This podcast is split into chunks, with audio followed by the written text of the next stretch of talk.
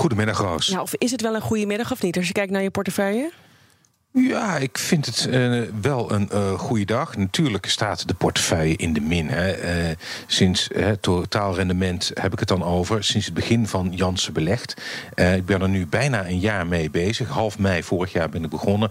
En ehm, mijn rendement is ongeveer min 3% Tegen de min 3% Valt me nog mee? Mag ik dat, dat zeggen? Valt mij ook mee. Ja, zeker. En dat valt mij ook mee. En um, uh, het is een beetje uh, zoeken uh, of, of, moeite om het naar voren te krijgen, omdat ik hou mijn portefeuille bij op Morningstar, zowel waar ook veel professionele beleggers terecht kunnen. En die site is zo overbelast door de hectiek op de beurs, zodat het niet makkelijk is om mijn gegevens naar voren te krijgen. Maar goed, het meest actuele wat ik nu heb is min 3 procent.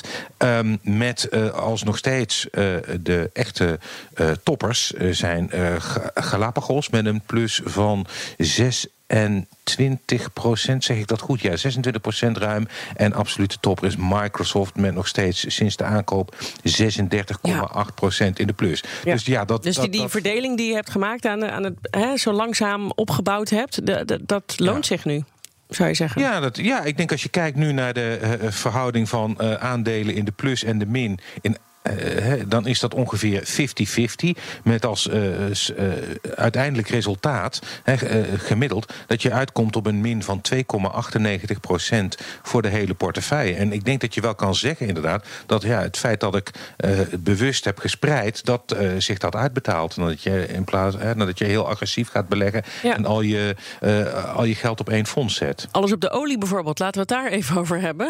ja, nou ja, het is, het, ja de olieprijs, ik, ik zie dat uh, light crude nu uh, 42, bijna drie, oh, 43,8 procent. Het duurt nog maar even voordat die uh, olieprijs voor de per vat onder de 10 dollar zakt. Ja, nee, kijk, als Shell heb ik een portefeuille. Um, sinds begin dit jaar zo'n 40 procent gekelderd. Maar dat was veel meer.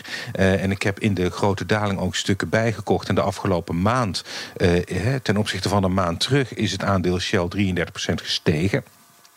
Maar ja, ik gaf net al aan, uh, de olieprijs wordt echt. Uh, uh, die, de, de, er is zo'n overproductie op dit moment. Mm -hmm. dat het moeilijk is om daar geld aan te verdienen. Ik pak even mijn totaalrendement erbij van Shell. Uh, Royal Dutch Shell, ja, min 18,7. Um, dus, uh, maar goed, ik zit er dus ook al van voor de uh, ja. in, voor een deel. Dus ja, nee, dat is, dat is heel erg lastig. En ik denk wat dat betreft, ik, ik laat het hier ook even bij. Mm -hmm. Want ik, ik, heb geen idee waar het naartoe nee. gaat met die, met, met die olieprijs. En toch denk ik dat heel veel mensen denken, ja, hier, hier kan ik wel winst ophalen, toch? Nou ja, ik denk dat...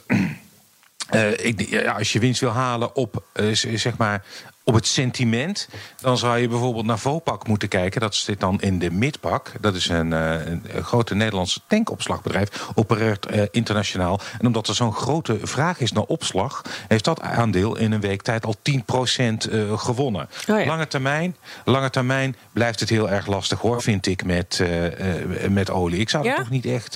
ja, ik vind het moeilijk. Ja, het, het is, maar we gaan toch allemaal straks weer gewoon de weg op en naar kantoor? Ja. Me meer dan nu, in ieder geval? Ja. Zou je zeggen? Was al, ja, maar er, is, uh, er was al overproductie voordat, um, uh, uh, voordat de crisis uitbrak. Voordat die coronacrisis uitbrak, was, werd er al te veel geproduceerd. En natuurlijk gaat die, vraag, die vraag gaat wel weer normaliseren. Um, maar ja, op, op welke termijn, ik, ik, ik weet het niet. Ik vind het nog een tricky business op dit moment, eerlijk gezegd. Rob, dankjewel.